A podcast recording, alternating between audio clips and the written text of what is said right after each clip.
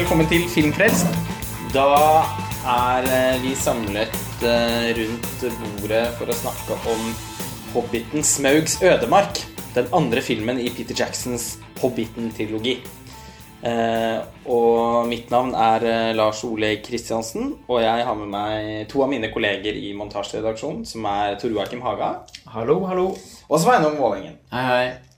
Og vi, har, eh, vi har da altså sett eh, Smaugs ødemark. Jeg tror Joakim var på pressevisningen. Og du har vel sett den eh, i Ås, der du er kinosjef? Ja, Du, du lå i sovepose og i samme drakt. Ja. I Ås. Alle. Ja, er det noen av dere som eh, Jeg tar for gitt at ikke du var i noe Ringenes herre-kø, Sveinung. Men eh, var du noen gang involvert i det, Tor Joakim? Nei, jeg var jo 23 år eller noe sånt eller noe sånt, første film kom, så jeg har ikke Det var folk i både 40 og 50 år? Jo, ja, det var det, da. Men eh, jeg har aldri vært liksom sånn type nerd. Sånn utblomstrende. Uh, jeg har ikke det.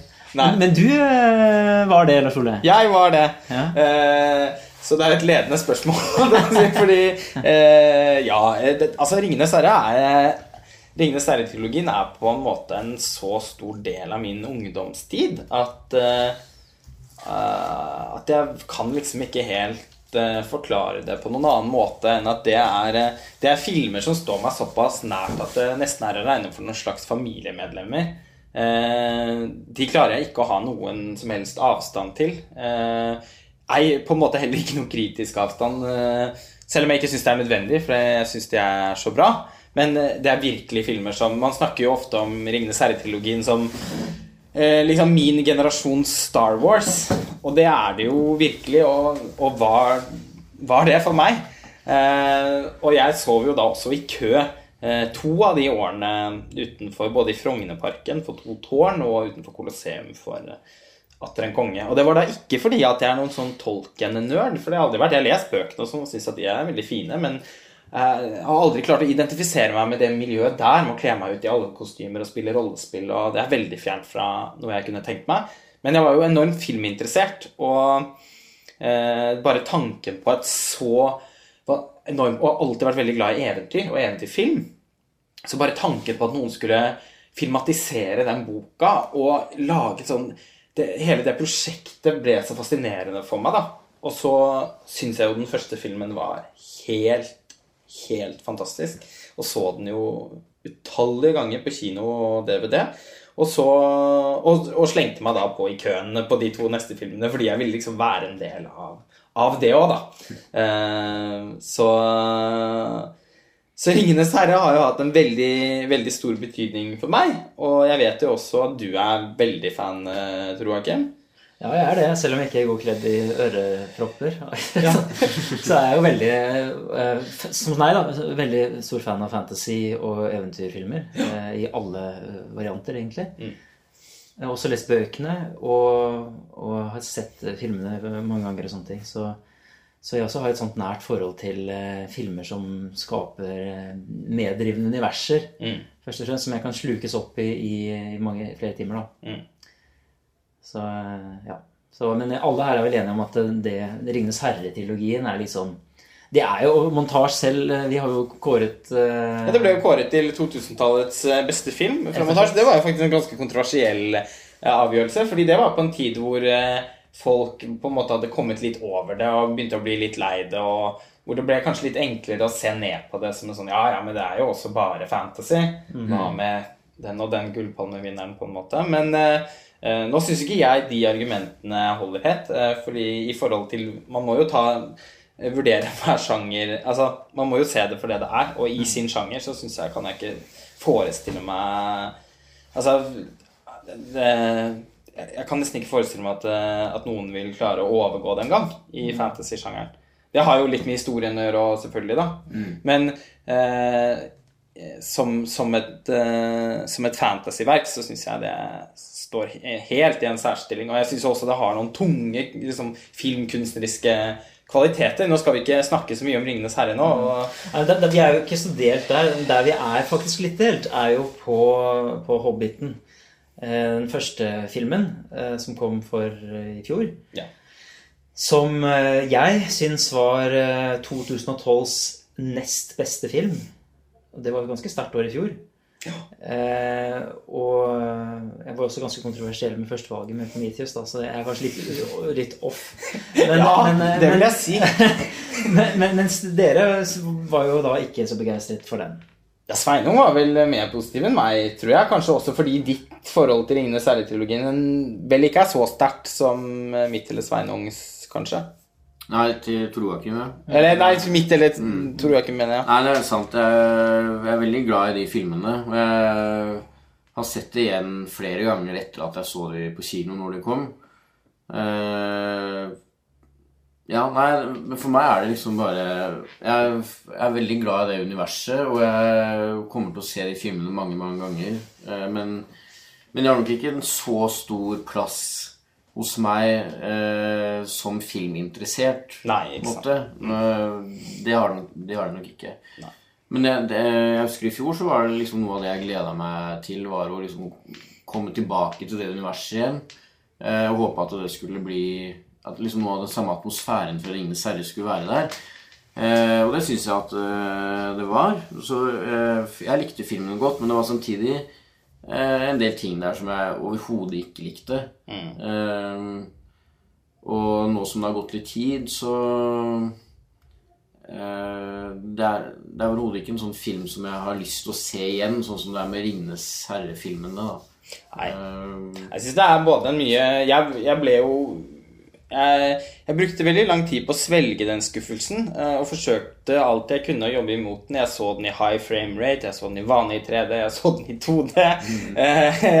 Jeg prøvde å finne alle mulige veier til å, til å like den filmen bedre enn det jeg dypest sett gjorde. Men, eh, men til syvende og sist så må jeg jo si at det er jo kanskje en av de største skuffelsene jeg har opplevd noen gang. Mm. Eh, For jeg syns ikke det er For meg var det ikke som å komme tilbake. Jeg trodde jeg skulle komme tilbake, men det lot seg ikke gjøre, fordi jeg syns universet er helt annerledes. Eh, Og det handler ikke om at det ikke er de samme motivene, eller at det ikke som eh, Det handler om måten det er gjort på. Eh, Mens 'Ringenes herre', noe av årsaken til at jeg faktisk kan si at jeg setter det så høyt, det er det, er det visuelle uttrykket, som jeg syns er fantastisk. Der har de, og, og som for meg virkelig er liksom en nesten sånn definisjon på det man gjerne pleier å kalle for sånn filmmagi. Som man ofte bruker om litt den type filmer. Da. Når man snakker om Spielberg sine filmer, og sånn, snakker, snakker man gjerne om liksom, åh, det er noen øyeblikk av sånn, noe filmmagi der som bare er helt enestående. Og, og sånn er 'Ringenes herre' et vegg-til-vegg-teppe for meg. Og den veldig sånn voldsomme estetikken, den mørke, det, veldig dramatisk lyssatt, masse spennende bruk av skygger, veldig liksom eh, Veldig sånn livaktig kameraføring, spennende liksom eh, bildekomposisjoner, kameravinkler. Eh, teksturen i bildene er jobbet veldig mye med. Det er ganske mye korn og, og, og rufs i bildene òg, særlig til å være en sånn type produksjon. Nesten alt ble håndlaget fordi de hadde så lite penger, egentlig. i forhold til Selv om det var tidenes dyreste filmproduksjon sammenlagt, alle tre filmene, så hadde de veldig lite penger. Så eh, de måtte liksom gnu på hver krone, da. Og måten å få det til å bli mulig å lage en produksjon i den enorme skalaen som det er, eh, det var jo da å gjøre mest mulig for hånd. Sminke. Eh, og, og bruke miniatyrer og sånne, sånne ting. Altså, alle disse fantastiske byggverkene og sånn i Lord of the Rings-trilogien er jo bygd bare i, sånn, i miniatyrer, men enorme miniatyrer, da, som gjør at de kan gå veldig nært inn på det med kamera uten at det ser dårlig ut. Det ser jo utrolig bra ut. Og, og holder fortsatt veldig, da. Ser fortsatt bra ut. Ikke, det har ikke noe datert look i det hele tatt. Og sminken, altså alle orkene var sminka. Det er selvfølgelig noen innslag av CGI her. Gollum, som var jo revolusjonerende i, eh, som en CGI-figur, og en del av disse store monstrene. Det er klart at det er ikke alle de som, som ser like top notch ut i dag. Sånn er det jo med dataeffekter. Men jevnt over så har det universet en sånn der håndlaga følelse som gjør at jeg kan føle virkelig at jeg kan lukte det. I sammenligning så syns jeg Hobbiten, eh, både den første filmen og, og denne her, som vi skal jo må snart begynne å snakke om, eh, har et mye glattere og mye flatere visuelt uttrykk. Ja, absolutt. Eh, foto, altså, foto har ikke den samme livaktigheten, og det er noe sånn blast og livløst over bildene. Jeg syns det mer ser ut som Windows desktop-materiale enn det levende, duftende universet som jeg syns Ja. var i Lord of the Rings. Eh, Det, det, ja. Men det, det må jeg si, det kan være også sånn, sånn slags intro for meg for å snakke om Hobbiten 2. Det er det, er, det, som jeg likte så veldig godt med den første Hobbiten eh, Jeg, jeg synes, jeg er helt enig med deg, det, det kan ikke sammenlignes med Lord of the Rings. Er- Her snakker vi en helt annen skala og en helt annen type film. Ja. Men det jeg elsket så godt eh, med den, det var eh, det litt lavere tempoet. Og det er det mange som, som reagerte på med den første Hobbit-filmen, men som jeg elsket. Altså, At de bruker så lang tid inne i, hula til Bilbo, og de spiser middag, og de, de vasker opp, og du vet til, til slutt hvor toalettet er, ikke sant? for du blir så kjent i denne hula. Eh, og så er, det da, så er det da den sekvensen i Rivendell igjen, eh, og med den her high frame rate, 3D, og for første gang jeg liksom nesten kan bare strekke ut en hånd og ta på fossefall og bergknauser og sånne ting, som er en mye nærmere følelse, mye, et mye nærmere forhold til eh, dette universet enn det jeg faktisk fikk i Ringenes herre, som er mye mer filmisk.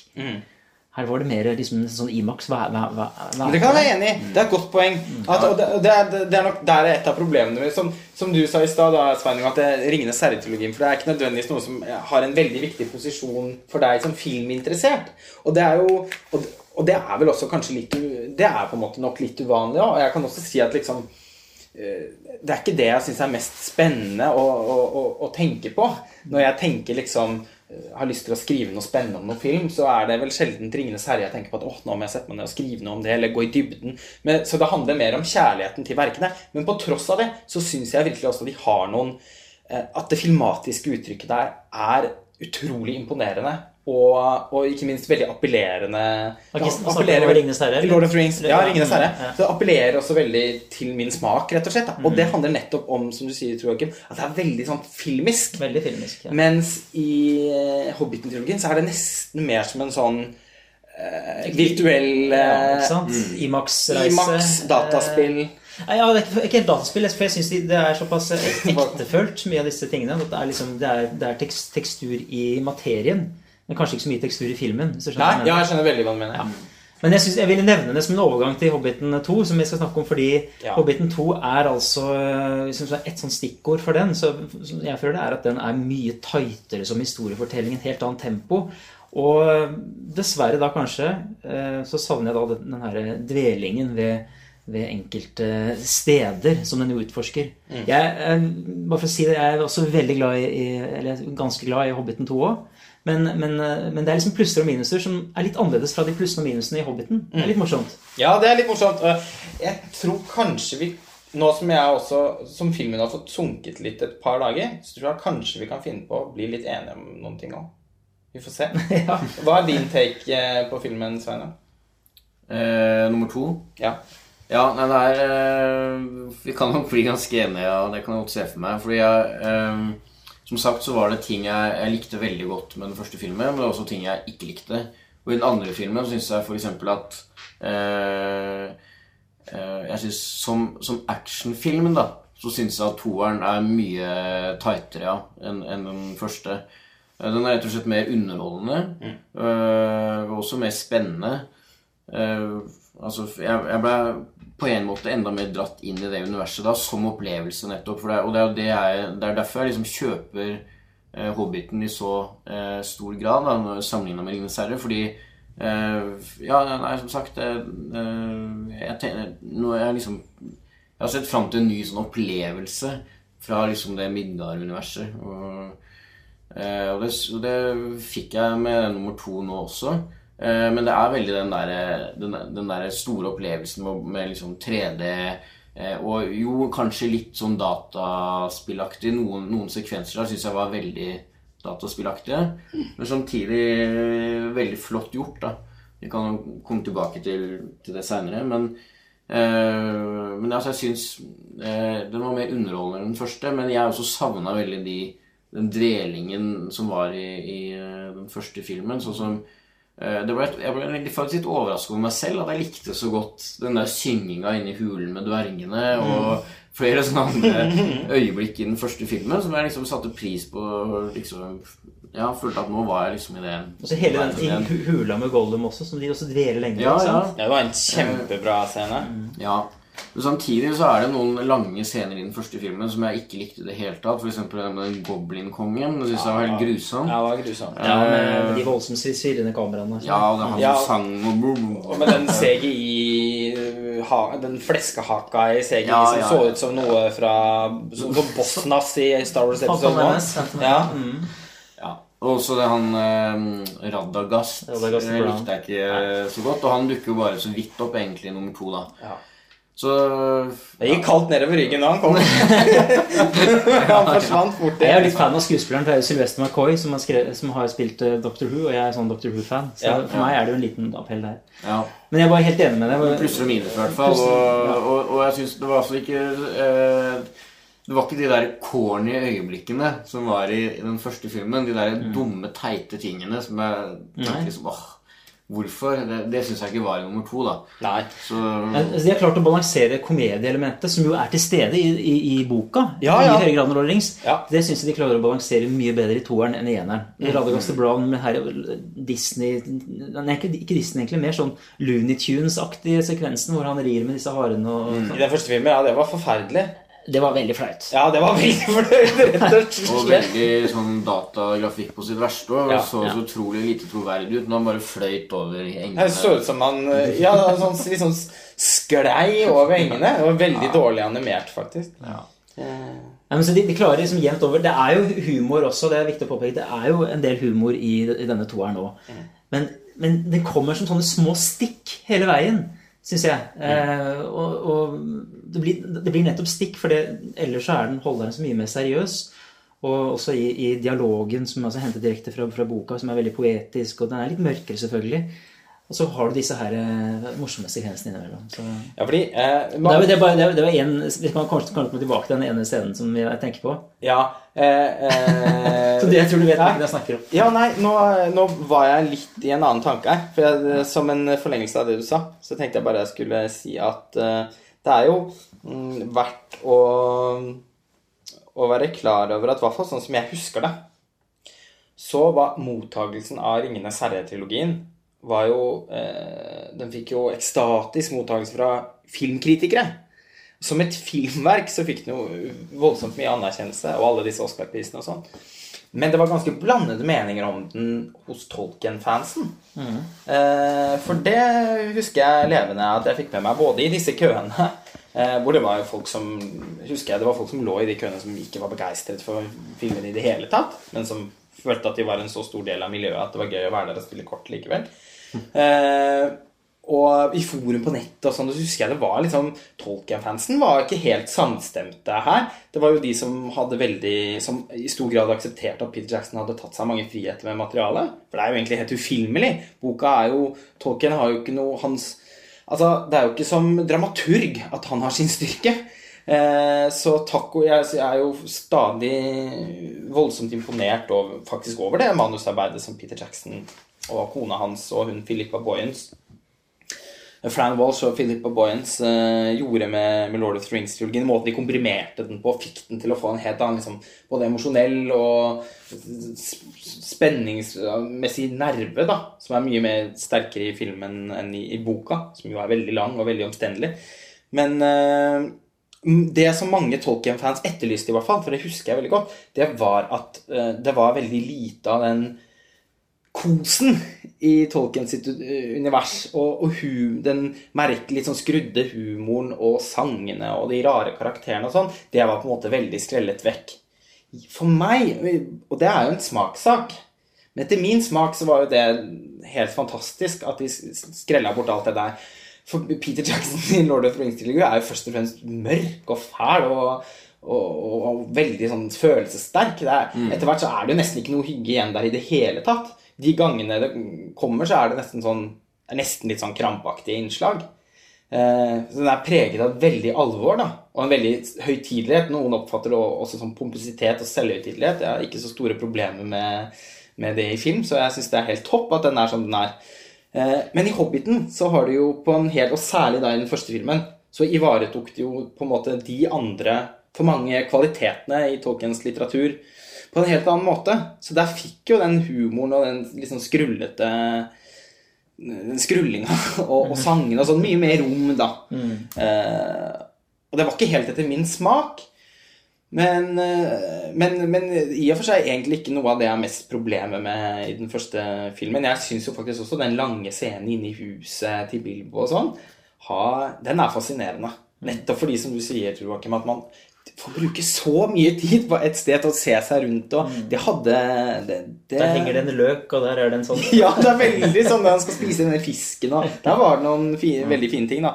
Men, men jeg, syns, jeg er enig med dere i det, da, at i den Smaugs ødemark så syns jeg jo de har klart å balansere humoren bedre. Mm. Den tar ikke over, og, og filmen har jo et helt annet tempo. Og, og er i så måte langt mer underholdende enn den første filmen. Men kanskje også mindre særpreget, føler jeg. Altså, dette er den det, Dette er vel den filmen hvor jeg ser liksom Jeg føler at Peter Jackson lager en, en blockbuster som dypest sett ligner veldig mye på veldig mye annet. Ja, og Det er derfor jeg sa det i stad som actionfilm, for jeg følte først og fremst at den var det. da. Ja, det er jeg enig i. Og, ja, og det, veldig, Som historiefortelling syns jeg ikke den var så veldig da, og da rent sammenlignet med 'Ringenes herre', så den kan ikke måle seg på noe som helst nivå. Ja. Og det er jo eh, Nye og gamle karakterer blir kasta inn, og de drar fra det ene stedet til det andre. Folk forsvinner ut av fortellingen igjen. Det er utrolig mye elementer som liksom røres opp i denne gryta. Ja. Eh, og, og, og så liksom Ja, det, og det blir noe med det at Hvor leder det hen? Eh, er på en måte eh, Er fortellingen liksom sterk nok til å bære at det blir kasta inn så mange elementer, lurer jeg på. at De, de skal til det derre fjellet, da. Det er det, er, det er mission, ikke sant? At de skal til Smaug. Ja. De skal finne det, det, det, det er jo det som er the mission. Ja. Men det, det, der, jeg kunne, der er jeg enig med deg. Det- Jeg skulle ønske at man da kunne For den presenterer ganske mange flotte steder. Eh, Smaugs ødemark. Masse flotte steder hvor jeg virkelig kunne tenkt meg å være litt mer. ja, ikke sant? Og, og jeg, er jeg klarer liksom å luke vekk en del sånne historieelementer når jeg ser sånne filmer. For meg handler det mer om mm, enkelte innstillinger og, og øyeblikk og sånn. Um, et helt eksempel, altså innseilingen til uh, The Lake Town. Ja. I, med, med tåke, og du, du ser ensomhetens fjell, tårene over. Og du kommer til denne byen som ikke er CGI, men som er konstruert. Fantastisk! Det var fantastisk. ordentlig Peter Jackson-øyeblikk. ja, og det minner meg, minner meg litt om den fantastiske produksjonsdesignen i undervurderte Hook av Steven Spielberg. Eh, og, og den byen der. Og, og, og da, liksom, da suger jeg opp, ikke sant? Og da, da er det ikke så viktig med hva som skjer med fortellingen, egentlig. Så, så det er sånn Du er glad for at det er litt tempo, og det holder litt sånn spenning og, og sånn. Men tenker du ikke da, Bare for, Ja. jeg, Du sier det med fortellingen. Tenker du ikke da at det har noe med fortellingen å gjøre hvor lenge da de f.eks. blir på dette stedet? Om på en måte mer av fortellingen Eh, nei, egentlig ikke. Jeg, for meg er ikke det så mye fortelling som det er det her som jeg, vi har snakket om mye opplevelsesorientert perspektiv av, av film. eh, Som Mm. type Avatar, eksempel, hvor, de, hvor han, James Cameron bruker masse tid på å beskrive den jungelen og ting og tang. Men den er også kjempetight fortalt. Og med en tydelig eh, Ja, den, den, emosjonell den, den, eh, den, klarer, den, den klarer balansegangen enda bedre, ikke sant? Langt bedre. For, fortellingens driv og opple opplevelsens estetikk. Mm. Det er fantastisk. eh. Det er jo det er en overskrift. Det er en bok, er det? Jo, det er en bok. Så, så, så det er jo en helt annen liga igjen. Men, eh, men eh, Så du, du dras hele tiden mellom det. ikke sant? Jeg prøvde å si fortellingens driv, og så er det disse øyeblikkene som jeg skulle ønske varte litt lenger. Ja, og så Nå snakker vi om at det er liksom, ja, Avatar ja, det er en helt annen liga. Og, og, og jeg må jo si jeg syns det er veldig veldig, veldig skuffende å måtte snakke om nye fantasyfilmer fra Peter Jackson.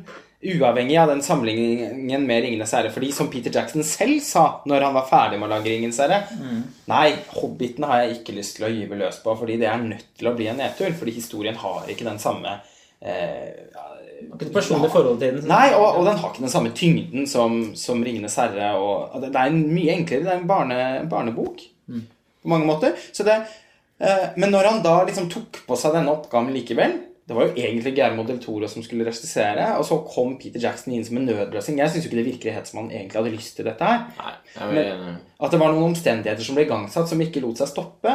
Og jeg tror også han har en ganske sterk samvittighet for sine ansatte på New Zealand. Og når de var hyret inn til å lage dette her, så tror jeg ikke han følte at dette kunne gå i vasken bare fordi han kanskje ikke var så motivert til å gjøre det. Og så sa han ja.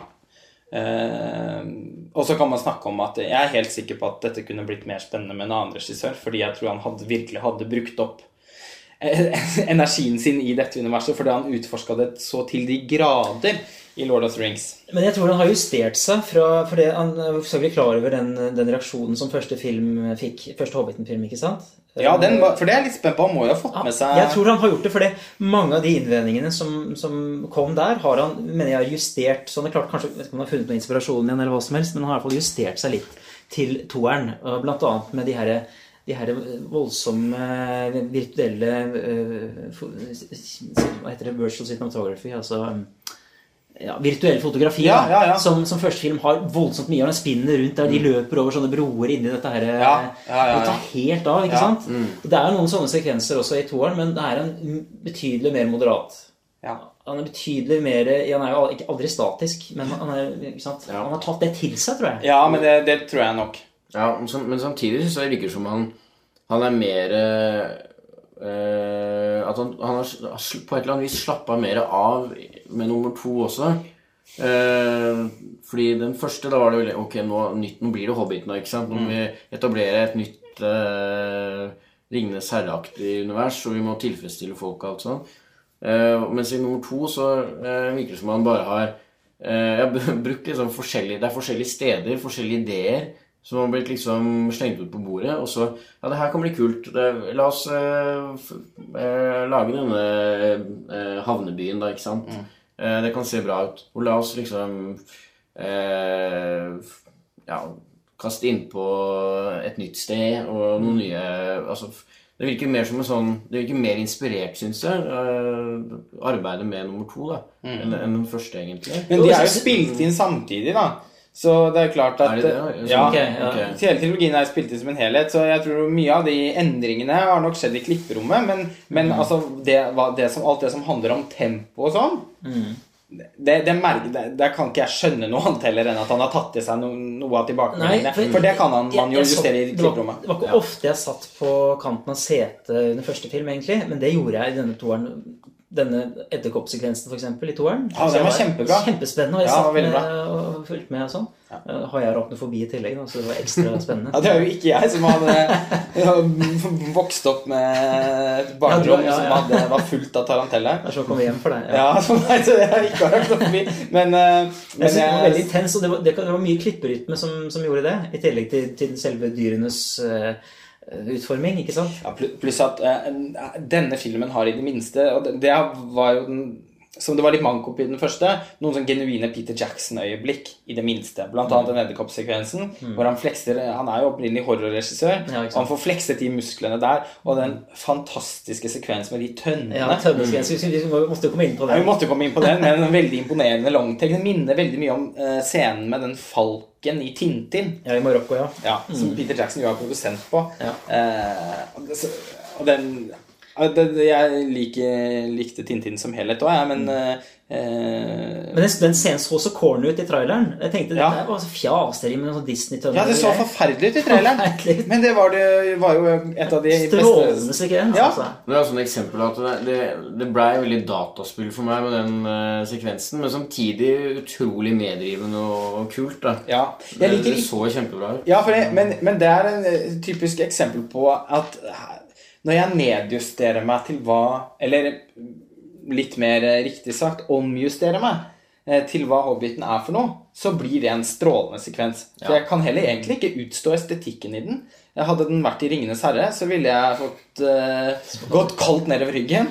Uh, men, uh, men når Hobbiten er som det er, så er det en fantastisk eh, oppfinnsom og morsom. Det er liksom actionfilm på sitt aller beste. Ja, det er kinetikk, ikke sant? Ja. Og også med disse små dryppene av komedie, ikke sant? Mm. Den tønne, han, tjukke, den er det morsom- det morsomste elementet, han, han tjukke... Han som ser litt ut som Harry Knowles eller Obelix. Ja, det en blanding av de to. Eh, Når han da er i den tønna og går over i land, og så bare spretter armen ut av tønna, så blir han en sånn vandrende tønnesoldat. Ja, Ja. Og det var, det var faktisk morsomt. Ja. Selv om det var det var, om det var corny. Ja, og det var skikkelig Asterix og Obelix-humor. Det kunne være romerne! Men, men, eh, men det var eh, veldig, var veldig morsomt. Og den, det hadde en sånn Indiana Jones-aktig sånn adventure-kvalitet, den hele den sekvensen der. Uh, I motsetning til sekvensen inni uh, alveskogen der, Merkwood. Eh, som jeg ble veldig skuffet over. Fordi der syns jeg Det var kanskje det aller tydeligste eksempelet så langt for meg på hva, hva, som har, hva galt som har skjedd med, med filmfoto.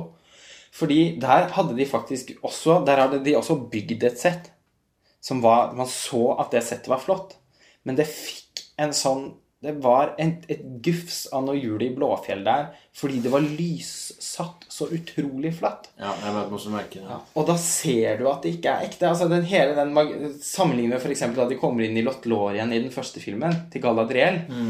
Hvor de liksom har gått amok på, med julelys.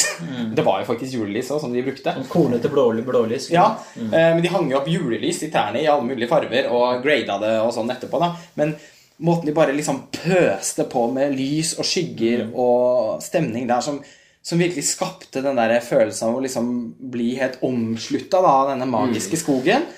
For, forheksa av den magiske skogen av Galadriel. Det er jo helt nå skal det, jo- skal det sies at det er et helt annet alvested, dette her. Et betydelig mørkere sted. Ja, det er jeg klar over. Men de kunne jo utnytte de ekspressive mulighetene Ja, det kunne de gjort, for så vidt. Altså, altså, dratt skogen altså, De har prøvd å liksom, dra skogen inn i, i det, men de kunne gjort det med noe mye mer eh, morsommere lys. Ja, det, er, det er jo lyset jeg egentlig snakker om. Ja. Eh, altså, Jeg syns at lyssettingen er eh, sånn helt forbløffende udramatisk.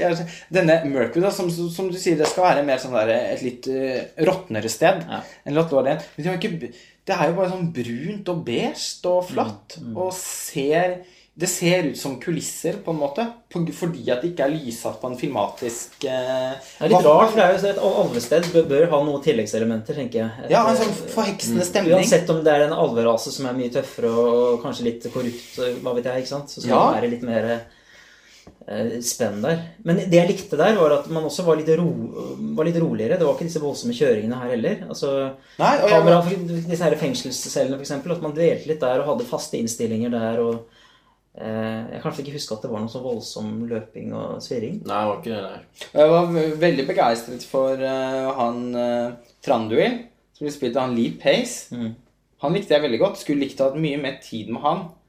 Uh, for han hadde en sånn litt sånn høytidelig, sånn overdramatisk tone å spille på, som jeg egentlig syns kler uh, Kler eh, Midgards univers, da. Jeg syns også mye av skuespillet i Hobbiten er veldig sånn mumlete og, og, og tøysete. Altså det, uten den derre Welcome to this forest og sånn, Tenk på Cape Blanchett-tiden Ja, ja. i Ringens brorskap. Det er liksom en sånn voldsom en sånn høytidelighet hele veien. Da. Og det hadde han litt. Hadde, det var også et par andre sekvenser som, hvor Hobbiten 2 tok det mer opp i seg enn Hobbiten 1. Det var altså annet en, en dialog som jeg husker veldig godt fra uh, havnebyen. Hvor, hvor jeg, vet, jeg husker ikke hvem det er som sier det, om det er en av dvergene eller om det er uh, Legolas. Eller hvem det er, men det er et sånn poetisk, nesten sånn diktsitat. Og så, og så blør det en, som en slags voiceover mens han går rundt i gaten tror jeg, og jakt etter de her de her eh, urtene eller noe sånt. Jeg, jeg husker ikke akkurat detaljene der, men, men da, da fikk jeg flashback til Lord of the Rings og den, den eh, selvhøytidelige pompositeten som man jo elsker. Ja, det er, det er akkurat det. Det er selvhøytidelig pompesitet. Det høres ut som man spytter på, på verket. Men, eh, men både du og jeg mener det jo veldig positivt. da Ja, ja. Positiv Ja, det- forstand. Jo mer Ja. pompøst, jo bedre, syns jeg. Det er liksom Det er det som hører hjemme i det, det universet her. Og da tenkte på det når en karakteren til hun Evangeline Lilly Ja. dukka opp. Eh, Jeg, jeg syns hun er veldig flott. Jeg synes, til tross for at det, hun så litt eh, det var, Flere var jo skeptiske når de så bildene av henne i forkant. Jeg husker at hun så mer ut som hun var i Ringenes herre-kø. Ja, ja, eh, Eller Hobbiten, da. ja og, det, og det var litt sånn Altså, jeg, jeg syns hun, hun spilte bra, jeg. Og jeg, Syns det funka greit med henne i filmen, men, men det var liksom noe med at hun blei litt for vanlig. Sånn at det, og, da, da, og da hadde dette blitt eh, faktisk ikke like dumt hvis det hadde vært litt mer pompøst, da, som dere er inne på. For det blir, det blir liksom så tydelig at hun hun liksom er en skuespiller som har tatt på seg alvoret. og- det. Liksom, så det var, hun ble litt sånn Hun ble litt for normal, rett og slett. For, ja. Jeg er sammenlignet med, med hun eh, Arven. Arven, ja. Det er jo nesten en identisk scene. Når arven kommer og hun skal hjelpe han med de Ja. Det er jo helt I, i, sånn, I sånn veldig hvitt baklys. Ja. Men det er det. Ja, og det, og det er lett. Og er det man fryktelig det er ikke, Noe som høres ut som Ja, jeg er jo egentlig ganske ironisk anlagt, men ikke når det gjelder sånt, da. Jeg liker at Jeg tar eventyr veldig på alvor, og eh, Men jeg, jeg ser jo at for, for det, det er lett å ironisere over mange ting i Ringenes herre-trilogien òg. Jeg skal ikke sitte og si det at jeg ikke skjønner at noen syns det er corny òg, noen av de sekvensene der. Men, men der syns jeg bare de drar det så langt at det blir eh, flott, da. Ja, og det, og det må liksom til når man lager en sånn type film. Det er trøkk i til, liksom. Og da, da blir det ikke det samme når hun eh, står der og, og mumler noen, noe greier. Så- Nei, det var liksom tungetale. Det Ja, var litt den var det noe med, det var noe med kameravinkelen og sånn. Hun sto liksom og, det var- og kikka på han eh, ja, dvergen. Da. Ja. Og det det er akkurat som hun ikke helt trodde på det selv heller. Ja. Liksom, Det er et godt poeng. altså Blir hun valgt valgt litt for mye baklys øh, La også merke til den sekvensen. Hun ble en sånn voldsom engel. Mens, mens arven i den sekvensen fra, fra, fra Ringenes herre, hvor hun bøyer seg nedover mm. Frodo, øh, er det gjort litt mer diskré, og så er det jo ansiktet hennes som har noen litt sånn tårer eller et eller annet sånt noe, øh, som, som ikke da øh, Hun er introdusert på en helt annen måte. Hun blir jo introdusert som om hun var eh, en engel, omtrent. da Hun kommer på denne hesten og Det er jo bare helt uh, Ja. Uh, og er- hun her blir jo introdusert som en actionheltinne. mm. Og det var kult. Altså, eh, jeg, I likhet med deg, Sveinung, så syns jeg faktisk også hun er en av de var en av de positive overraskelsene i filmen. Jeg syns hun spilte bra, og jeg likte karakteren ganske godt. Og eh, jeg syns at hun i og for seg Legolas, som jeg syns så litt sliten ut Han var, Han var tjukk. Han var tjukkere ja. siden sist. Han var litt sånn han var Beach Boys spiller på kjøpesenteret I kraft av å være Beach Boys. ja. jo, men det var noe Det var noe sånn veldig sånn comeback eh, skrevet over hele han. For det, alt var liksom ikke Den, den ynden som han hadde for eh, Ja, nå er det snart 15 år siden de Ja, ble ja. spilt inn. Det er ikke så rart at han er litt tjukkere, eller at han er Nei. litt mer litt sånn mm. Men, men uansett uh... men de hadde jo prøvd å få han til å se ut sånn som han gjorde da. Og det var kanskje der Ja, men de måtte jo det, for han, han er jo så mye yngre. Han er tusenvis år. Men altså, de årene der gjør, nok ikke noe forskjell for en alv, da. Eh, Det er jo ikke som de Det går nok opp og ned i vekt, det òg, tror jeg. Eh, Sannsynligvis gjør det vel det. Men, det var, jeg, men jeg tenkte også sånn De kunne kanskje jobba litt hardere. Altså, Stakkars han Christian Bale. da. Han har jo han er jo- virkelig kjempa for siderolle sine roller i det Maskinisten og The Fighter. Og jeg syns jo Orlando Bloom kunne gjort hakket mer innsats Ja. for å komme i Legolas-shape. Men det var jo, var jo liksom noen sånne altså Michael Persbrandt, for eksempel, som uh, Bjørn.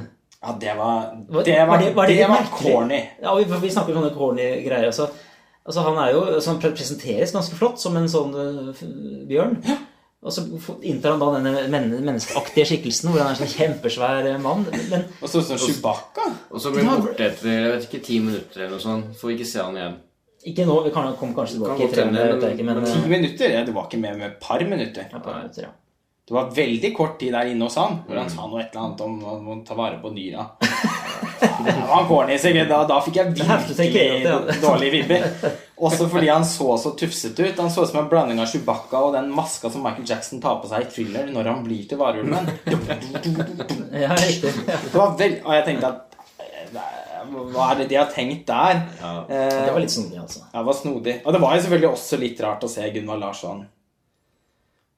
For dere som kjenner, for de Ja. av dere som kjenner til Beck, som jeg Beck, ja, er veldig, veldig glad i, så var det jo litt, litt corny å se Gunvald Larsson som en sånn hårete kjempe òg. Jeg visste jo ikke at det var, var han. Ja, ja, da, jeg var også forberedt på det. Det var flere, han Steven, Steven Fry. Fry. Jeg syns ikke han heller passa inn i Nei. Han fikk ikke gjort så mye ut av seg. Han er egentlig en strålende skuespiller, men han, han Ja, ja. fikk ikke gjort så mye ut av den rollen. Eh, men hvis vi sier Det var litt sletent, uh, rett og slett, syns jeg. Men når når vi snakker om disse kårene, så har jeg også lyst til å trekke frem en positiv uh, rolle, og det er selve uh, Smaug.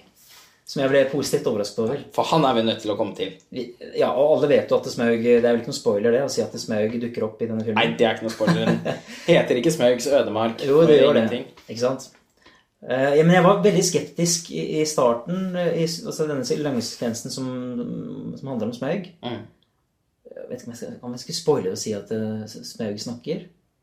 Jeg tror at de fleste som hører på denne podkasten, uansett har sett filmen. jeg. Ja, Og så er det i hvert fall ja. Da kan vi bare- da kommer er vi med en spoileradvarsel. Ja. uttaler som har stemmen, og det har blitt liksom haussa litt opp nå.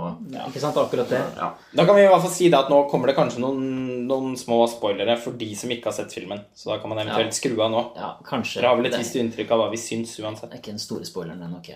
Nei, i hvert fall så vil jeg si at eh, når han blir introdusert, eh, så stusset jeg veldig over eh, at han skal snakke som en sånn Disney-aktig figur. Jeg klarte ikke helt å, å kjenne gravitasen i det. Men så For det sekvensen var, den sekvensen varer en stund, ikke sant? Interaksjonen mellom Smaug og Bilbo. Og jo mer han snakker, jo mer defineres han som en, som en karakter, som en rollefigur. Og jo mer tror jeg på han. Og så har han bare på den, den tida han har, som er eh, ikke, jeg, en halvtime kanskje, ja, 20 minutter, så, så, så vokser han til å bli en helt fenomenal, synes jeg, rollefigur. uh, helt mot slutten av filmen. Ja, jeg syns også at eh, En ting var at han Her syns jeg jo i hvert fall Vetta Workshop leverer på god gammeldags maner med et fantastisk design og en helt Altså helt praktfulle effekter. Så han ser jo utrolig bra ut. Du kjenner tyngden av han. Han svever ikke rundt der. Du liksom kan føle at, at han veier eh, ubeskrivelig mange tonn. eh, og eh, jeg virker Altså, jeg elsket begynnelsen av den. Så litt i motsetning til deg, egentlig. Så syns jeg det var helt fantastisk i begynnelsen, når vi ikke så han et, og hvor han bare Med øynene Ja, ja, ja. og myntene sammen. Ja, men det syns jeg også var strålende. Ja. Det er når, når det begynner å snakke. ja, men, ja, og den stemmen er litt sånn typisk sånn hvis, Hvor dypt kan vi få det? Hello. Nei, nå skal jeg ikke prøve. Benedict Cumberbatch. Ja, det hørte jeg ble veldig mislykket. Jeg skal ikke forsøke å gjenskape det. Men det er sånn veldig sånn det er Litt som treskjegg, egentlig, Treebeard i, i Ringenes herre-trilogien. Men men ja, men, men, men det var jeg Jeg hadde hørt den stemmen i traileren, så var ikke, det var jeg også litt forberedt på. Og eh, jeg syns at den derre Den slu smaug, da, som vi får i begynnelsen der, syns jeg var helt strålende. Og den dialogen mellom de to, og måten Han smyger Bilbo seg rundt ikke sant, de Ja, stolpene. og Bilbo, som nesten ikke er med i filmen, selv om han er hovedkarakteren. Eh, som eh, måten han skal forsøke å finne den hvite steinen som er så viktig for dvergene. Arkenstone. Darkenstone. Eh, og liksom den nesten sånn uh, så liksom koreografien mellom bevegelsene til de to Det var helt fantastisk å se på. Så blir det jo veldig sånn actionfigurens Smaug, syns jeg. Når det er noen veldig, veldig lange uh, actionscener som, som er veldig flotte. da Minner meg, de minner meg litt om Temple of Doom. ja. Sekvensene med The Mindcard Chase og de her, litt, Ja. litt den, den gata der. Eh, og det var, jeg var svært underholdt av det. Men jeg likte faktisk da kanskje best i by... Når, når Smørg snakket. snakket. Selv, det var flott å se på han sprute ild og flakse rundt der inne òg, men uh, jeg, hadde, jeg hadde nok faktisk da skulle ønsket at det tok seg enda litt bedre tid med, med det derre slags spillet mellom Bilbo og Smøg, da. På samme måte som uh, mellom Gollum og Bilbo i Mm, ja. den første Hobbit-filmen. Jo, vi kan være enig, for så vidt. Jeg bare synes det var en fin utvikling på de minuttene vi hadde. Fra den her litt sånn slu eh, Jeg husker jo ikke noe av dette her fra boka i det hele tatt. Nei. Den her utviklingen fra den litt sånn slu karakteren som smyger seg rundt ståper og sånn, til denne litt sånn tunge actionhelten som allikevel han, han er preget. Han er ikke lenger den, den smidige som han en gang var. ikke sant? Nei. Han er litt mer klumsete, eh, men har fremdeles sånn voldsomme pågangsmote. Og så, så skal jeg ikke avsløre eh, slutten, men, men akkurat der så har han liksom nådd sin sånn virkelig I det hele tatt det at de klarer å få en snakkende drage Ja, ikke til å ikke bli dumt, Ja. det er eh, ganske godt gjort. Og det var også et av Peter Jacksons sine eh, veldig sånn unike evner, syns jeg, i, med 'Ringenes herre' når det kom. At han klarte å få noen ting som jeg normalt ville hatt problemer med, til å bli kult, da. Altså han, jeg syns han har evne til å kunne få fantasyfigurer som hvis, hvis sånt blir gjort feil, så kan det bli så håpløst eh, tåpelig. Og så tufsete. Men det er På sitt beste så er jo han veldig god på å unngå det. Eh, Sånn som de der kjempene i Hobbiten igjen. De der, Ja, men de hadde jeg problemer med. det jeg husker du hadde litt Ja, problemer med det. for der syns jeg ikke han klarte det. Mm. det var, det, var det, det var den første scenen i den filmen hvor jeg husker at, at jeg ga opp håpet. Sånn Ok, det blir ikke Ok, nå må jeg liksom Det, det skjer ikke. Det, nå, nå, nå er det Andre boller. Ja. Ja, ja, det husker jeg. Ja, for for, for der, det, det syns jeg ikke funka i det hele tatt. Oh my God! altså, Ja, det, det, og de snakket omtrent som orkene, og det var så rart at de trollene skulle snakke sånn. De gjør det jo selvfølgelig i boka, da, så det men der er sånn, der syns jeg man kunne prøvd å finne andre løsninger, eller jobbet Ja, på en annen måte med stemmene, eller for det ble liksom et innslag av nesten noe sånn Ivo Caprino-aktig. Mens bergtrollene i Ringens herre-trilogien er jo bare slåsskjemper som ikke sier et ord, og brøler. Så det ble sånn inkonsekvent i forhold til hvordan de er fremstilt tidligere i samme univers òg. Selv om det sikkert er forskjellige arter, og her er t- Tolkien-ekspertene må gjerne arrestere, arrestere Nei, men det er jo oss. sånne, er sånne ting altså man har justert, da, som jeg snakket om til toeren, syns jeg. Og klart å luke vekk en del av de, de mest åpenbare comic relief-elementene, rett og slett. Ja. Så Og så slutter filmen med en skikkelig cliffhanger. Det slutter veldig brått, mm, og veldig bra, syns jeg. mm. Og på en helt annen måte enn den første filmen. Eh, Som riktignok slutter med en veldig flott sekvens med disse ørnene. eh, Som var det Lille fuglen og sånn som Ja, kakker og ja og det, det var det ene virkelig sånn, litt sånn overskridende øyeblikket i Hobbiten, syns jeg. Eh, men eh, den her eh, men den, men, men den her slutter sånn at man liksom virker Jeg kunne tenkt meg å ha sett Det kunne jeg jo nok sikkert uansett, men altså sånn, jeg føler virkelig at jeg, nå kan jeg ikke vente med å, få se, med å se den siste filmen strengt tatt. da. Fordi det blir spennende å se Jeg har store forventninger, også fordi eh, som jeg sammenlignet med Return of the King, hvordan, hvordan liksom ting ble forløst. Altså, Jeg ser for meg masse flotte Gjerne masse slutter igjen. Eh, masse sånne ting eh, som jeg gleder meg veldig til. Jeg gleder meg først og fremst til The Battle of the Five Armies. Fordi Peter Jackson har ennå ikke fått muligheten til å lage en slagscene i Hobbiten-trilogien. Og der må han vel fortsatt ha noen muskler. eh. Ti år seinere, liksom. ja. Elleve, ti år elleve. Ja, ja altså sånn Som sagt, jeg syns han har blitt slappere på en del andre ting, men jeg håper jo i hvert fall at han fortsatt kan lage Mm. et slag, da. Ja, For dette er jo et enormt slag. mm. av de største i Midgards historie. Så, eh, og det er jo også noe de andre Begge de to første filmene har manglet litt. Er jo egentlig et skikkelig klimaks. Mm. Har litt bare en følelse av at det er noe som betyr noe. Ja, noe som står på spill. Ja. For det er jo kanskje sånn Hvis vi skal snakke om selve fortellingen i seg selv, så syns jeg den største svakheten er at jeg aldri helt får følelsen av at det står noe på spill. Nei. Det snakkes noe om at, disse, at det er veldig viktig for dvergene å få tilbake Erebor og alt sånt, men, men det er ikke helt noe som betyr noe Nei. for meg. Vi vet ikke helt hva det innebærer å ta tilbake Erebor på dette tidspunktet. Hvis ikke man er veldig inne i dette universet. Ja, Ja, det- man vet ikke det, men, men det, det blir også sånn at Som jeg sa i stad, så syns jeg det, det kastes på veldig mye i løpet av spesielt den andre filmen. Som gjør at det, det styrker egentlig bare følelsen av at ja, Hva er det egentlig som står på spill her? Det Mer kommer at, masse små elementer hele veien. ja, mer enn at liksom det får meg til å tenke Å, her er det mye som foregår. Og, Mm. og det er liksom Ja, jeg, jeg savner en sånn klar liksom opplevelse at uh, Ja, dette er liksom det, det filmen handler om, og det betyr noe. Mm. Og, ja, men, men som du sier, det er vel helt sikkert mye mer vi får vite om, uh, om dvergene og hvorfor, hva som er viktig for dem. Og sånt. Jeg tror det- det, skjønte jeg i hvert fall mot slutten av filmen. Når det Ja. Jeg tror det, jeg har glemt uh, alt av boka, nesten. Eh, må, Ja, den sitter veldig løst for meg. Det er mange, mange år siden jeg leste Nesten i 1992, så det er jo det er så rart jeg ikke husker det. Nei. Og, eh, men, men altså Jeg syns jo det, blir, det er et problem som blir Som jeg ikke syns de klarer å liksom Det klarer jeg ikke helt å komme over heller, da. Det er jo at jeg savner en ordentlig liksom, emosjonell inngang. En ting er at jeg, ikke, jeg får ikke følelsen av at det står noe særlig på spill, jeg får utvikle heller ikke noe særlig følelse for noen av karakterene i filmen. Eh, Det kan jeg jo si, bortsett fra den litt sånn koselige følelsen, kilende følelsen av god underholdning i ny og ne, så vekket ikke Hobbiten Smaugs ødemark fram en eneste følelse i meg når jeg så den. Nei, det er gåsehudøyeblikkene. Og det er en av, grunnen til, en av de viktige grunnene til at det ikke kanskje er i samme grad, det er jo Howard Shores musikk. Eh, Som er så skuffende. Ja, enormt skuffende. Enormt skuffende. Altså, jeg elsker jo Ringenes herre-musikken hans. Jeg er egentlig ikke noen stor fan av Shore, men akkurat de liker jeg veldig godt. Eh, Hobbiten var skuffende, men den hadde i hvert fall eh, Misty Mountains, Ja. eh, som var et fantastisk tema. Ja, i det minste. Denne her hadde jo nesten ingenting. Ingenting. Det er noen små cameos av, av Shire-temaet, tror jeg. Ja. Et par, par steder.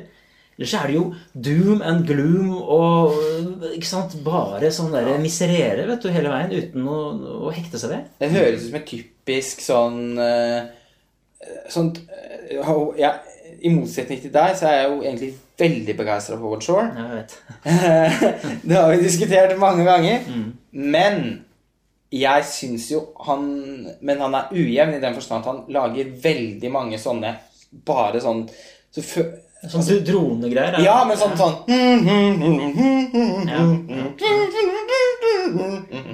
Sånne soundtrack som han virker som han bare lager. Og får sånn, altså, jeg husker han lagde musikken til den thrilleren Edge of Darkness for eksempel, av Martin Campbell, som også var en veldig svak film. Men liksom, hvor han ikke klarte å bidra til å heve den filmen i det hele tatt. Eh, også for et par av Cronenberg sine filmer, som jeg ofte syns han gjør fantastiske ting med. Til og med der, på en lat dag, så kan han finne på å bare lage en sånn vegg-til-vegg-teppe av noe som du sier, droner. Da, en sånn musikk som følger liksom, ligger så tett opp mot på en måte bevegelsesmønsteret til eh, filmen at den ikke har noen verdi i seg selv. Og det fantastiske med ringene, musikken i 'Ringenes herre' er jo at den både har vært et soundtrack man har kunnet spilt eh, og, og hygget seg med uendelig mange ganger. Det er et av de soundtrackene jeg har hørt mest på i hele livet mitt. Og, samtidig som det passer så fantastisk godt i filmen, og hvert eneste sted har et nytt tema. Men det- og, liksom, og, og, det klarer, og det løfter følelsene, da. Ja, ja, det, ja. det er jo ofte Karakterdrama i 'Ringenes herre' er veldig engasjerende, men det er ikke spesielt komplekst. Mm. Men musikken klarer å få de ofte litt enkle følelsene til å oppleve som tyngre og viktigere enn det kanskje egentlig er. Ja, men det som er rart er at det visstnok skal være masse temaer også i, i Hobbiten-filmene, og også i denne toeren. Det er laget lange lister på Filmmusikkforum hvor de lister opp disse forskjellige ledmotivene. Men jeg mener jo det at de er, hvis det er tilfelle, så er det i hvert fall ikke tydelig for meg som Ja, Jeg, er jeg, jeg mener at jeg er over gjennomsnittet interessert i filmmusikk. Så det burde jeg Det er det mest ydmyke jeg har hørt i hele året. Jo, men jeg mener at et ledemotiv skal jo være et ledemotiv. Du skal, det skal følge opp, du skal, liksom, du skal legge merke til det. Selvfølgelig. Eh, Og, og det, det, det gjør jeg ikke her, altså. Så det, så det, og det mener jeg dette er en av de viktigste grunnene til at som vi er inne på, kanskje ikke har den der emosjonelle tilknytningen til eh, noen av rollefigurene. Og tenk liksom på Tenk altså tenk nå da på liksom eh, Ringens brorskap når den kom. Na na na na na na na. Mhm, na na na. Og, Riven altså, det, det, altså, er helt Nesten hvert eneste spor på det soundtracket. Gondor, ikke sant? ja, er en hit på en måte i filmmusikkverdenen, da. Og, og det er sånn man lager klassikere i den sjangeren òg. Hva, altså, hva hadde det Star Wars også vært uten musikken sin? Eh, eller Indiana Jones, eller så sånn og det, og, og det er bare helt fantastisk skuffende, rett og slett, at han leverer så middels. Det er ikke, det er ikke, en, det er ikke liksom én øh, Et stykke fra Hobbiten 2 som jeg husker engang. Nei, og tenk deg, den har jo faktisk en del flotte både transportsekvenser og Vista-shots. Mm. Ikke så mange, men har noen. Hva er det han gjør? Jo, han legger på en sånn mm, Sånn dronegreie. Ja, ja, Mens veldig- husk, husk transportscenene i 'Ringenes herre'. Mm. Bo, bo, bo, bo, Ikke sant? Så løper de over. Det syns jeg var en liten Det, det synes jeg rett og slett var en liten skandale, altså. Men eh, Og, og, or, og det er også så kjedelig. Orkene seg, Jeg syns jo orkene er, ser helt latterlige ut. Ja. de, for det første så er de dataanimerte. Og den, nå kom det enda en ny mislykket lederorken, som virkelig så ut som noe fra et dataspill. Mens han tidligere så ut som han kom fra, eh, fra en Zack Snyder-film. I all ære. Men eh, jeg vil helst ikke ha Jeg vil ikke ha han hunchbacken fra 300 inn i Midgard. Og jeg, og jeg har jo heller ikke noe sans for han hvite orken med disse voldsomme armene. Jeg syns han har kommet seg litt etter hvert. Eh, Begynt å bli mer vant, vant til han. Han begynner å få litt mer altså, mimikk og litt mer sånn. Ja, men jeg, men jeg syns ikke han er noe farlig. Altså, jeg synes ikke De, sam, de samtalene som de urukaine og sånn har i Lord of the Rings, de er veldig de er, Det er ikke så mange av de. Men når de er der, så syns jeg faktisk de er litt Find the halfling! Ja, ikke sant? Du, du får følelsen at de er skumle, da. Her synes jeg det er mer sånn We have to take them. Det er mer sånn derre barnslig, Disney-aktig måte å være Det er ikke det, det Noen av Disney-skurkene er fantastiske, men jeg skjønner hva jeg mener. Det er en sånn barnslig måte å være ung på. Og de snakker bare hele tiden om alt det grusomme de skal gjøre, uten at de gjør det. Ja, Og de er, så, og de er ikke så mange heller. Og de ser, og de, ser de har ikke den derre skrekken. Men jeg syns jo at skrekken opprettholdes litt. Jeg er fremdeles veldig begeistra for denne ånd- åndemaneren. Nei, altså, altså um, The Necromancer. Eh, som da I Dol Goldur der. Ja.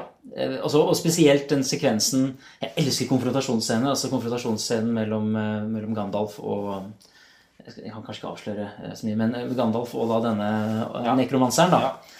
Ja, e- enig til en viss grad. Jeg syns at Doll Golder-sekvensene var noe av det beste i filmen. Fordi der syns jeg faktisk foto var ekspressivt på en helt Ja, annen måte. Ja, det var.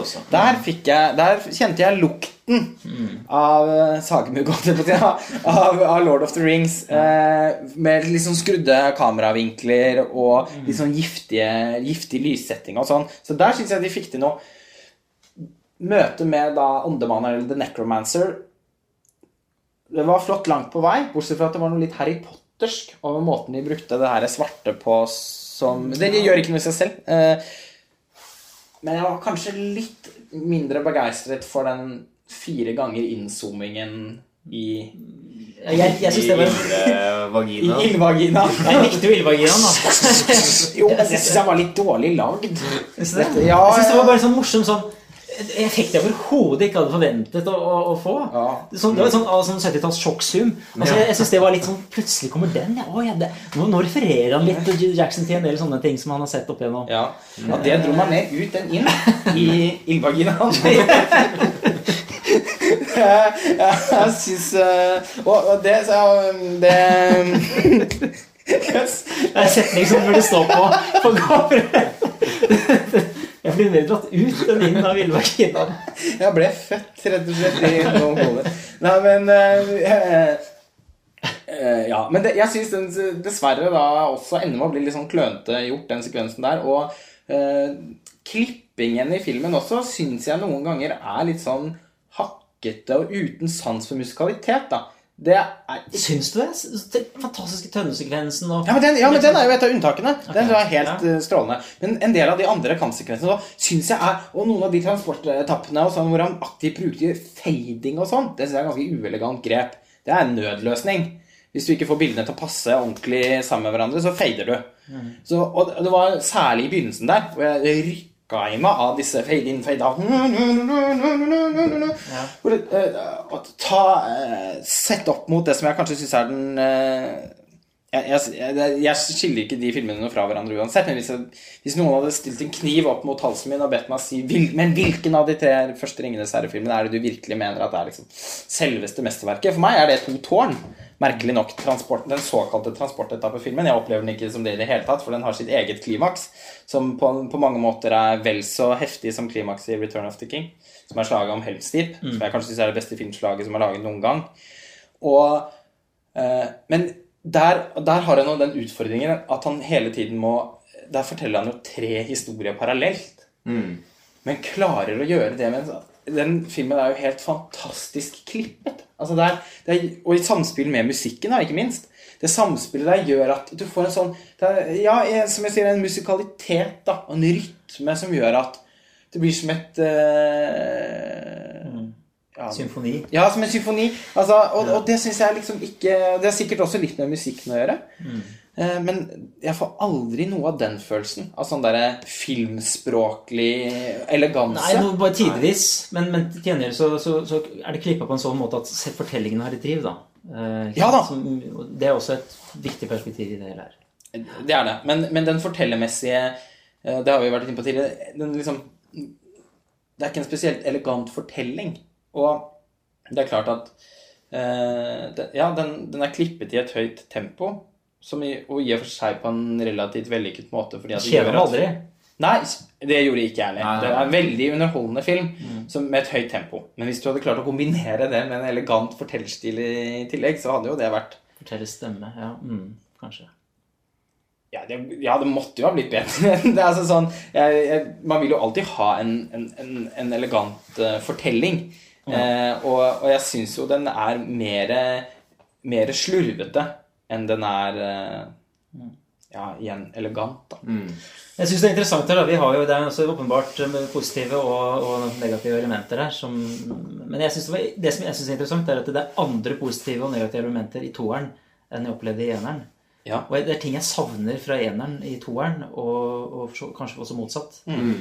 Så og da kommer det, Den logiske konsekvensen er jo da at treeren forener Ja. det beste fra begge deler. Ja, ja, for jeg må innrømme, jeg er fortsatt ganske håpefull til den. Jeg Ja. gir meg ikke. Eh, Jeg tenker at eh, Det visuelle er vel sikkert eh, Det er nok kjørt. Fordi de har valgt å skyte filmen sånn som de har gjort. Jeg kan ikke forestille meg noe, meg noe annet enn at de bare At det fortsatt kommer til å se litt, litt flatt og digitalt ut. Men, men eh, jeg forestiller meg nok at eh, den engasjerende dramatikken, den har vi nok fortsatt til gode. Og den må, altså sånn, den må nødvendigvis komme. Husker jeg fra boka òg. Ja, jo ja, også for å nøste opp eh, alt, alle de trådene de har lagt ut i de to foregående filmene. Ja, Altså, no- det må jo de også se, at, eh, som tross alt lager disse filmene. ja, At de må, de, må ta noen grep her ja, det er det, ja, det er det akkurat det jeg tenker. At det kan liksom Det kan ikke gå så altfor galt, tenker jeg. Der har de der har de mer å Nødvendigvis vil de ha mer å by på. Og, de, og den her slutter jo veldig spennende, som sagt, med sånn cliffhanger hvor man virkelig føler Ok, nå er vi i gang. Nå er det i ferd med å skje ting. Brikkene forskyves. Nå eh, og det, Så jeg gleder meg veldig til å se utfallet av det i den siste filmen. Og da ikke minst dette The Battle of the Five Armies, som uh, Som høydepunktet. Ja, der håper jeg han leverer. Vi får se. Vi får se. Nå har vi egentlig tømt oss, tror jeg. Nå eh, tror jeg vi har tømt oss. Vi av det. Men uh, ja, jeg syns virkelig man må gå og se den, hvis ikke man har gjort det allerede. Ja, altså, jeg tenker at Hobbiten er vel en film de aller fleste går og ser uansett. Og de som ikke ser den, ville ikke sett den om den var aldri så bra. Nei. Nei, ikke sant? Altså, For de som er helt uinteressert, så hører sikkert ikke på den podkasten heller. og, og dere som hører på den, skal sikkert gå og se den, eller har vært og sett den uansett. Så sånn Vi sett så trenger vi trenger- ikke å vi anbefale trenger sånn nok ikke anbefale den. Den er nok litt forbi det. Men jeg vil jo si at jeg syns at uh, noe av hypen eh, uken før eh, premieren nå, var jo at denne filmen var betraktelig mye bedre enn den første. Den internasjonale mottakelsen har vært veldig mye sterkere. Den, altså De norske kritikerne har jo virkelig flesket til med kjempekritikker. Og jeg så leste overskrifter som 'visuelt mesterverk' eh, og, og sånn. Og Det, en av de beste slagscenene noen gang festet på film, leste jeg også. å, herregud. Regner Hvilken slagscene regner med det er disse tønnene det er snakk om, men det var jo ikke mye til slagscene. Det, Nei, det, det kan ikke være noe annet. Nei, det er jo ikke en slagscene. Slag, det var bare en eh, slåsskamp. Det er en kluss med terminologien.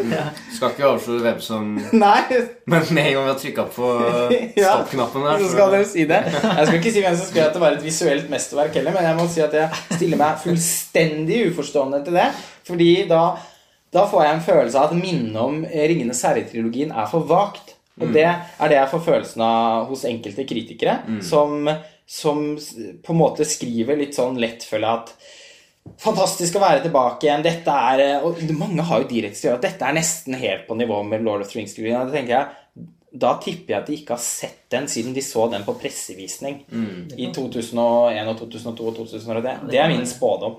Fordi forskjellen er enorm. La nå ikke det være noe tvil om det. Eh, så har man, står man selvfølgelig fritt til å mene noe annet. Men det, jeg- altså sånn det, det, og Nå begynner jeg å bli komfortabel med det. eh, Ja, for det er faktisk. det man må, da. Man må jo også da ikke se de filmene altfor ikke det, altså. Eller, hvis man klarer å separere de to Hobbiten-filmene litt med, med Ringenes herre-filmene nå, så syns jeg det, det er mye å glede seg over. Glede seg over, og Hvis man ser det som en sånn opplevelsesorientert estetikk igjen, altså, hvis man Mm. elsker det, så, er det, så leverer den på alle plugger. Altså. Det er, god, dette er, det er veldig god underholdning. Og det syns jeg faktisk den første filmen var òg. Sånn, sett bort hvis man, hvis man klipper linjen Hvis man klipper over den brennende broa over til Lord of Rings, så øh, og, og det begynner, altså, jeg begynner å merke at jeg syns at, det- at, at, at det er mulig å gjøre- faktisk er litt mulig å gjøre det.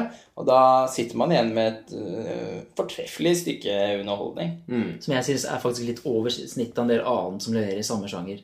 Ja. Faktisk også. Ja da, det er det. Det syns jeg òg. Mye, jeg vil mye heller tilbringe 2 timer og 40 minutter i Midgard enn 2 timer og 40 minutter med en eller annen Marvel-superhelt. Ja, absolutt. Så sånn sett så er det vel en slags Det er jo en thumbs up, Thumbs up.